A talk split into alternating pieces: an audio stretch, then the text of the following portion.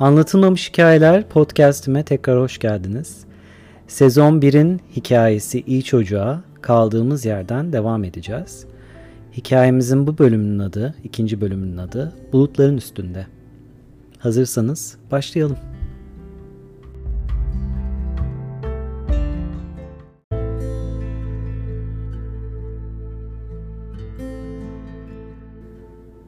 David'in mektubu elimde, yatakta öyle uzanmışım saatlerce. Tavana bakıyorum, hayaller kuruyorum. Yani liseli çocuklar gibiyim inanın. O kadar kendimi kaptırmışım ki akşam yemeği saatinin geldiğinin farkında bile değilim. Annem içeriden bağırıyor ve ben de telaşlanıyorum. David'in mektubunun içinden çıkan bilet, kartpostal, fotoğrafları tekrar böyle aceleyle zarfın içine sıkıştırıyorum. Ama sadece bir fotoğrafını defterimin arasına saklıyorum. Biraz eski bir fotoğraf. Renkler silinmiş. David kameraya gülüyor. Genç. 25 falan yaşında olması lazım. Üstünde Kappa marka beyaz naylon bir rüzgarlık var. Ve bu bana 80'li yılları dolayısıyla çocukluğumu hatırlatıyor. Bu fotoğrafı saklıyorum çünkü gülümsemesi çok içten ve samimi. Zarfı da korkumdan kimse bulmasın diye dolabın en arkasına saklıyorum. E, Tabi söylememe gerek yok. Bu olan bitenden ailemin haberi yok. Arkadaşlarımın da. Hatta en yakın olduğum kişi ablama dahi anlatamıyorum. Yani yargılanmaktan, ayıplanmaktan korktuğum kadar doğruyu söylemek gerekirse birinin bana gerçekleri hatırlatıp bu kurduğum güzel hayali bozmasından da korkuyorum. Yani şimdi düşünün sadece mesajlaştığım, dünyanın öbür ucunda hiç bilmediğim, daha önce hiç gitmediğim bir ülkede yaşayan yabancı bir adam. Hiç daha kamerayla da görüşmemişiz. Yani diyorum ki içimden yani böyle bir karara varmadan önce en azından bir görüntülü konuşmalıyız yani bir video ile konuşmalıyız diyorum. Ve diyorum ki David'e bunu söylemem lazım. David ile aramızdaki saat farkı 7 saat. Yani ben uyandığımda o gece uyumuş oluyor. Ve artık tek onunla konuştuğum için Mırç'tan ICQ'ya geçiyoruz. Çoktan ona geçmiş oluyoruz geceleri konuştuğumuzda. Ama böyle ona onun bana ya da benim ona ulaşmam gerektiği zamanlarda e-posta ile yazışıyoruz. Neyse o anda birden bunu yazmak istediğim için direkt bilgisayara girip e-posta atıyorum, e-mail atıyorum. Ee, diyorum mektubunu aldım. Yani çok heyecanlıyım. Ben de seni görmek ve öpmek için sabırsızlanıyorum diyorum. Ama diyorum önce bir şekilde kamera ile görüşmemiz lazım.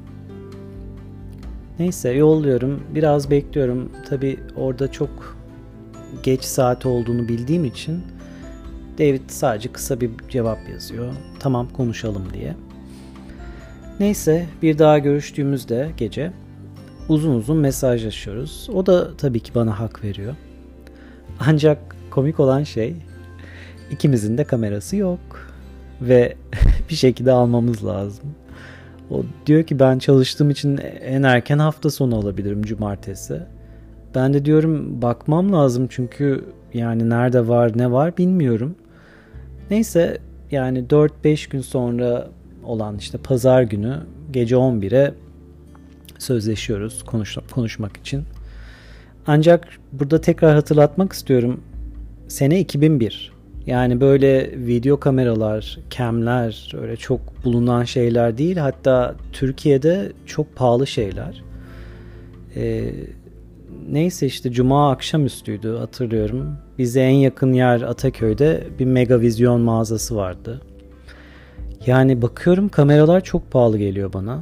Yani alabileceğim bir şey değil. Kendi paramla alabileceğim şeyler değil. Neyse ucuz bir yani ucuzun bir üstü olan bir markayı alıyorum. Logitech galiba öyle okunuyor. Böyle elim kadar büyük ve acayip şişko bir model. Modele de baktım ClickSmart 310'muş. E, resmini de koyacağım Instagram'a. Yani eve geliyorum kurmaya çalışıyorum. Çok zor. Bir sürü program yüklüyor. Sonra görüntü kalitesi kötü. Yani şimdi diyeceksiniz ki ya niye bu kadar teknik şeylere giriyorsun? Ama inanın hikaye içinde önemli bir etken. Şimdi şöyle söyleyeyim. 2021 şu anda yani standart video cam'ler şu anda 720p görüntü kalitesinde diyelim. Bu model 176. Yani buna aynı zamanda 2001 Türkiye şartlarını, telefon hattına bağlı internetin yavaşlığını da eklerseniz belki konuşma koşullarımız aklınızda daha iyi şekillenir. Her neyse. Teknik şeyden sonra tekrar hikayeye döneyim. Pazar günü geliyor. Gece ben odamda böyle ışık ambiyansı yaratıyorum. Her ışığı açıyorum, ekstra ışık getiriyorum diğer odalardan. Hatta kameranın yanına e, masa lambamı da koyuyorum ki böyle en net görüntü olabilsin diye. Neyse saat 11 oluyor. Ben böyle kalbim atarak ICQ'ya giriyorum.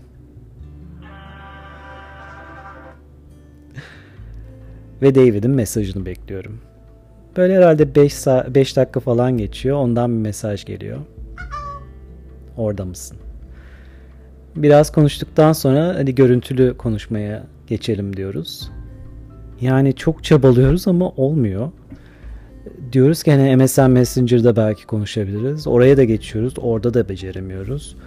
Sonra neyse bilgisayarı açıp kapatıyoruz falan filan derken en sonunda bir şekilde görüntülü bağlanıyoruz. Ancak hem bağlantı hem de görüntü kalitesi çok kötü. David karanlıkta. Yani yüzünü çok az seçebiliyorum. Sesini ise hiç duyamıyorum. Ancak gülümsemesi orada. Dişleri bembeyaz görüyorum yani. Tabi gülümseme aynı fotoğraflardaki gibi harika bir gülümseme. Ama yüzünü fazla seçemiyorum. Neyse biraz daha böyle uğraşıyoruz, deniyoruz görüntüyü düzeltmeyi olmuyor. En sonunda o da sıkılıyor. Ben de o böyle el sallıyor ve eliyle telefon işareti yapıyor. Mesaj olarak da yani telefon numaran ne? Hani bir seni arayayım. Bu şekilde olmuyor diyor. Ben de neyse cep telefonumu veriyorum. O da biraz sonra arıyor. Telefonum çalıyor. Kalbim ağzımda açıyorum heyecanla. İlk defa sesini duyacağım. Ahmet benim David diyor. Sesi de gülümsemesi kadar içten. Yaklaşık 5 dakika konuşuyoruz. Çünkü beni kartla arıyor ve kartla cep telefonunuzu aradığınız zaman çok daha fazla, çok kolay gidiyor e, kredileriniz. Neyse sonunda kapatmadan soruyor. Ne diyorsun gelmeye değer miyim? Ben de tereddüt etmeden kesinlikle diyorum.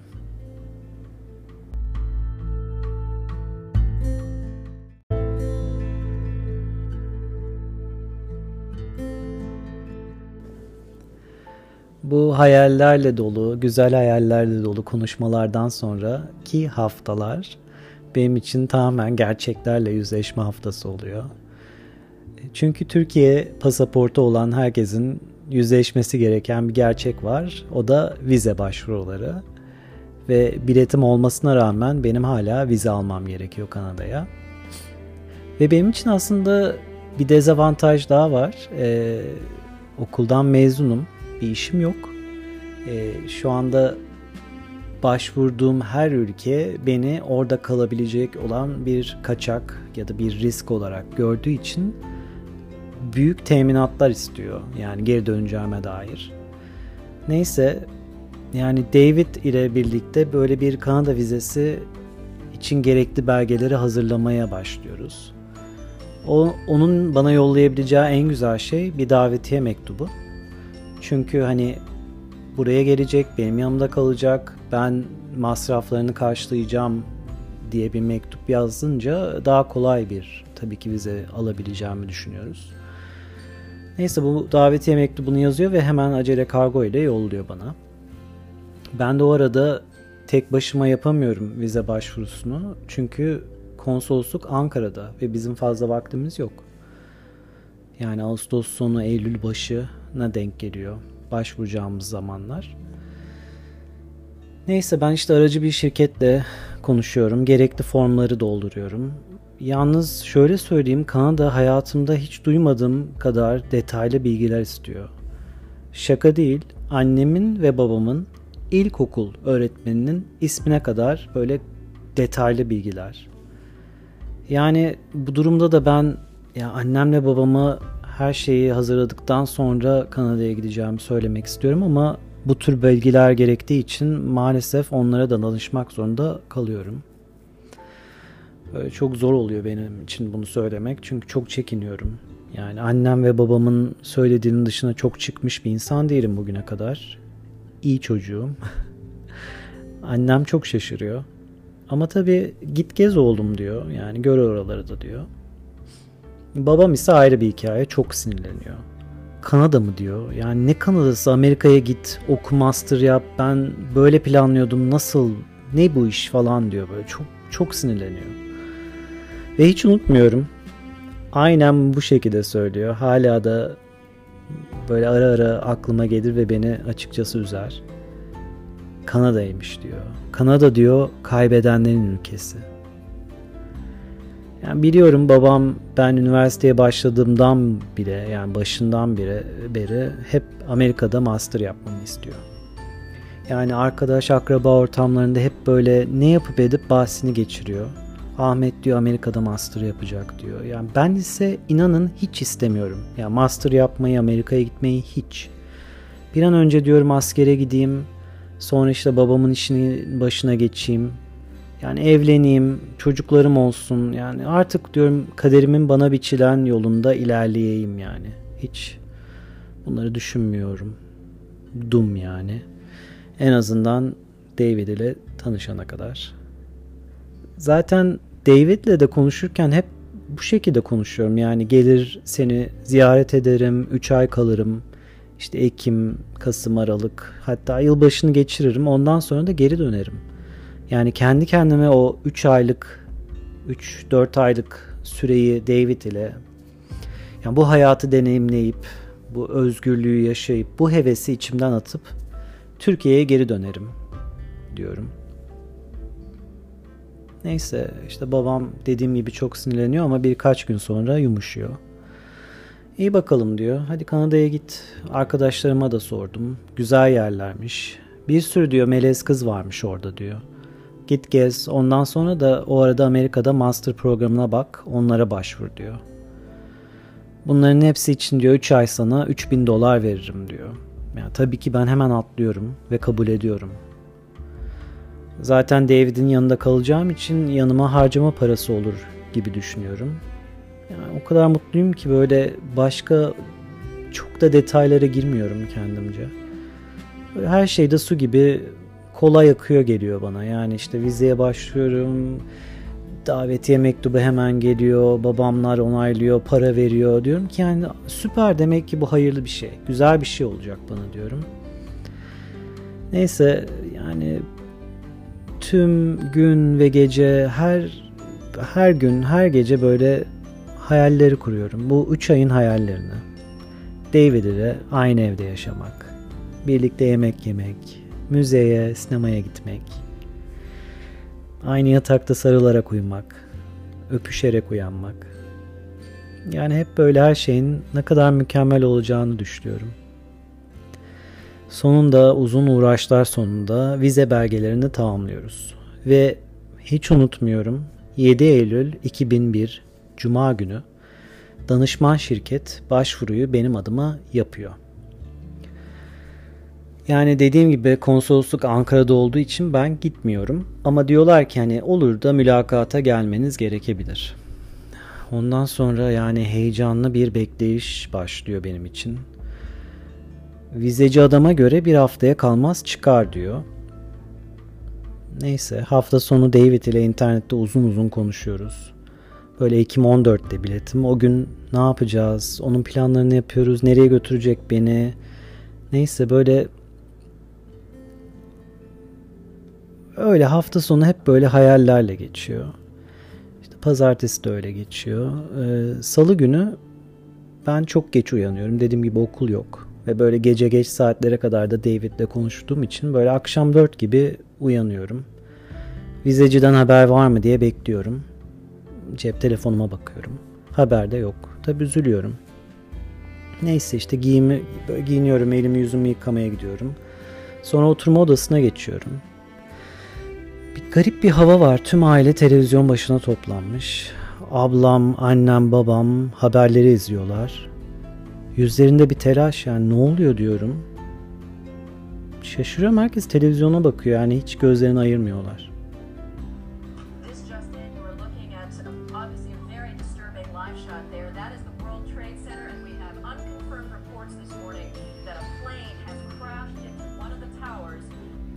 New York ikiz kulelere saldırmışlar. İkiz kulelerden biri dumanlar içinde yanıyor. Şu anda bile tüylerim diken diken. Yani o zamana gidiyorum tekrar. Daha 3 sene önce, 2001'den yani 3 sene öncesinde tepesinde fotoğraf çektirmiştim. O aklıma geliyor. Canlı yayından böyle film izler gibi izliyoruz. Yani spiker anlatıyor.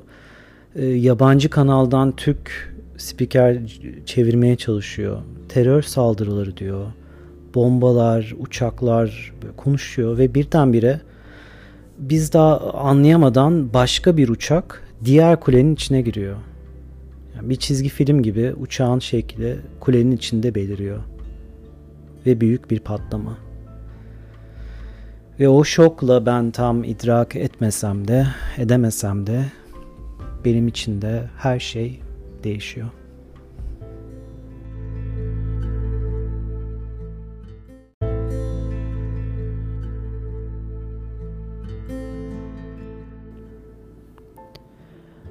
11 Eylül 2001 olayları tüm dünyayı değiştirdiği gibi benim dünyamı da değiştiriyor.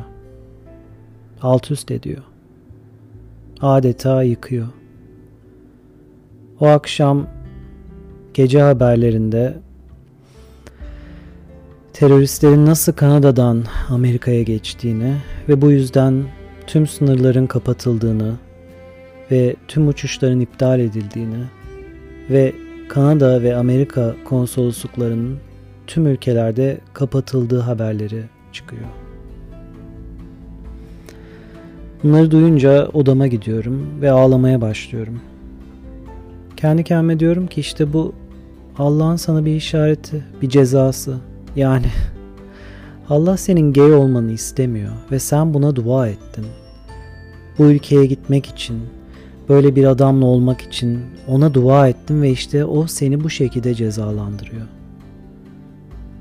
O gece David'le konuşuyorum. Her şey bitti diyorum. Benim oraya gelmem artık mümkün değil. O ise sakin bir şekilde bana cevap veriyor. Diyor ki Ahmet senin ve benim gibi erkekler için hayat her zaman zor olacak. Her şey için, özellikle aşk için hep mücadele vermek zorunda olacağız. Ve eğer sen buna hazır değilsen ve ilk darbede vazgeçeceksen hiç başlamayalım daha iyi. Ve o böyle söyleyince birden benim içimde bir şey uyanıyor. Diyorum ki ben bundan vazgeçmek istemiyorum. Aylarca kurduğum hayaller, David'in dışında o özgürlük hayalleri, kendim olabileceğimi bilmek, böyle bir potansiyeli yakalamışken kaybedebilmenin gerçekliliği beni sarsıyor ve diyorum ki evet haklısın. Haklısın bekleyelim. En azından pasaportun gelmesini bekleyelim. Belki diyorum Cuma sabah gitti. İşleme konmuştur. Pazartesi belki vizeyi çıkartmışlardır. Salı da akşam oldu zaten olaylar. Yani aslında 3 gün var. Belki diyorum 3 gün içinde bu vize çıkar. Kapatıyoruz ve o hafta beklemeye başlıyorum. Dua ediyorum. Biliyorum çok garip. Ama dua ediyorum. Hayırlısı neyse olsun diyorum. Cuma günü vizeciden haber geliyor. akşama pasaportunuzu alacağım diye. Ve ben beklemeye başlıyorum. Akşam telefonum çalıyor. Ve gelen cevap maalesef red cevabı. Kırmızı harflerle yazılmış mektuba. Daha sonra mektubu görünce görüyorum. Turist vizeniz aşağıdaki nedenlerden dolayı reddedilmiştir. Aşağıdaki nedenler de şöyle. Kanada'ya gelip burada kalmayacağınıza dair bir güvence veremediğiniz için, bunu yeterince kanıtlayamadığınız için turist vize başvurunuzu reddediyoruz, askıya alıyoruz. Bu koşulları kanıtlayamadığınız sürece bir daha turist vizesine başvuramazsınız.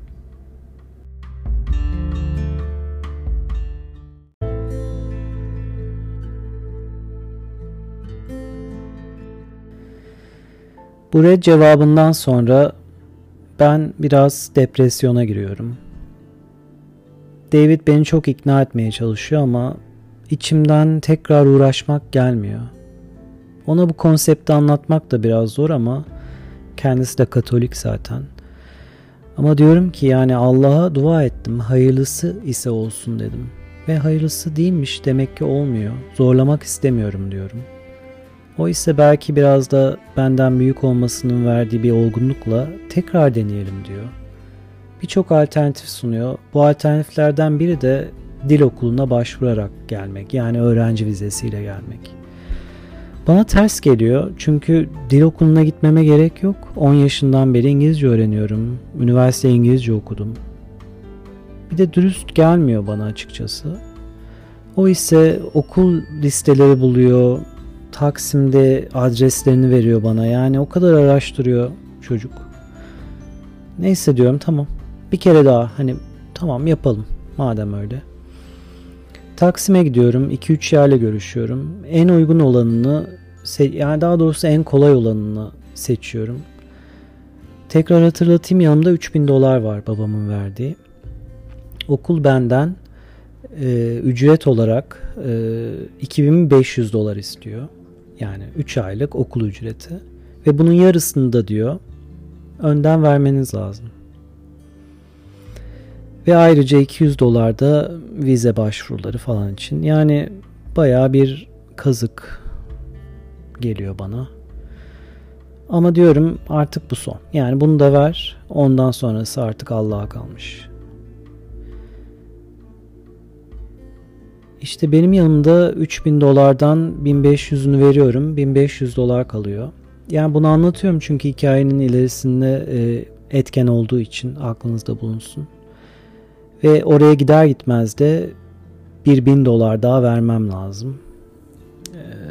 Yani benim yanımda 500 dolarım kalacak oraya gittiğimde ama diyorum ki zaten David'e gidiyorum yani orada kalacağım onunla birlikte olacağız. Yani David de öyle bana para harcatacak bir tipe benzemiyor açıkçası. Çok nazik çok tatlı bir insan. Neyse vizeye başvuruyoruz ve inanır mısınız iki hafta sonra vize çıkıyor.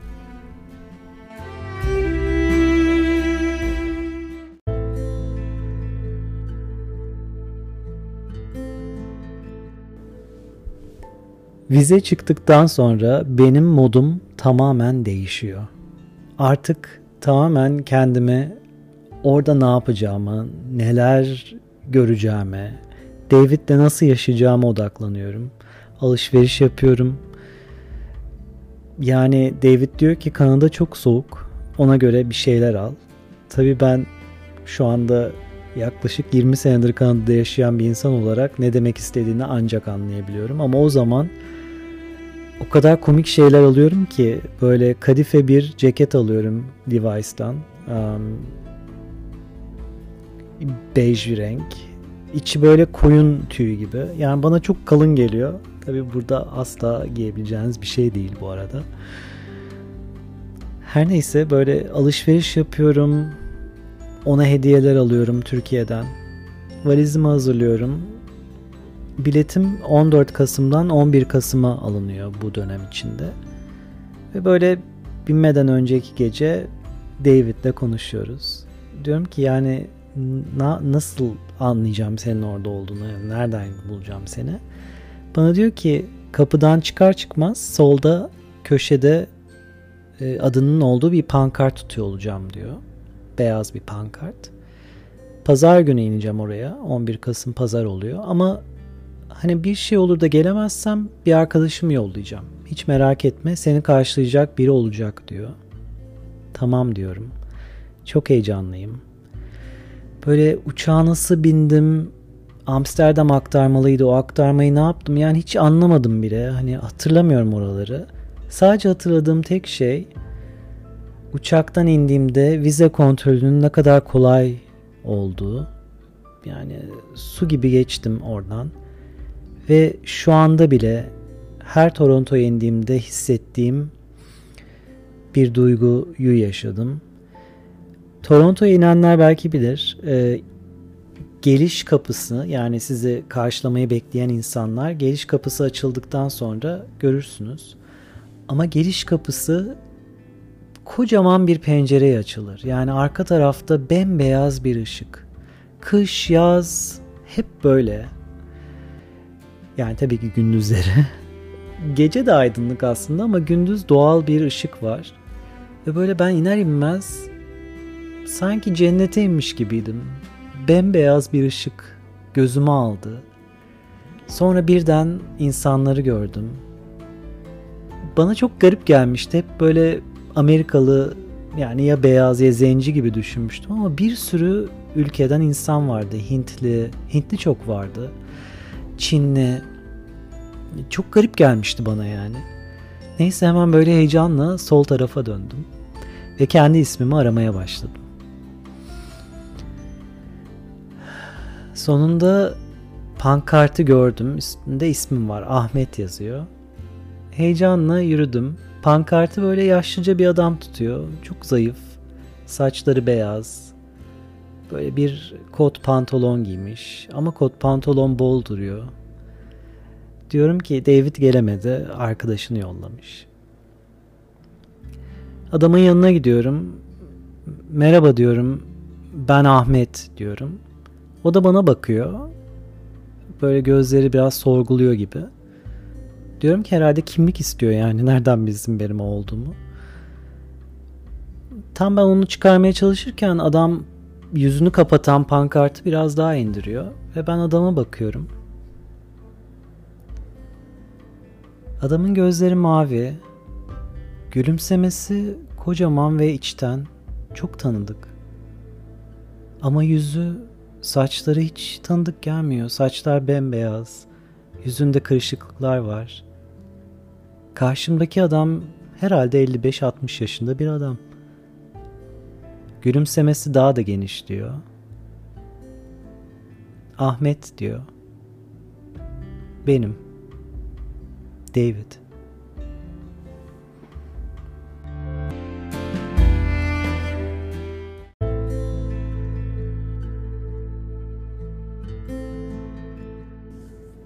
Anlatılmamış Hikayeler Sezon 1 İyi Çocuk hikayesinin bir bölümünün daha sonuna geldik. Hikayenin devamını dinlemek isterseniz podcast'e üye olmayı, takip etmeyi unutmayın. Aynı zamanda Instagram hesabı Anlatılmamış Hikayeler'de her bölümün görsel eşlik albümü paylaşılıyor. Hikaye takip etmenize biraz daha yardımcı olabilecek görselleri paylaşıyorum. Bir sonraki hikayeye kadar kendinize iyi bakın ve unutmayın içinizdeki anlatılmamış hikayelere her zaman kulak hakkı ve söz hakkı verin. Görüşmek üzere, hoşçakalın.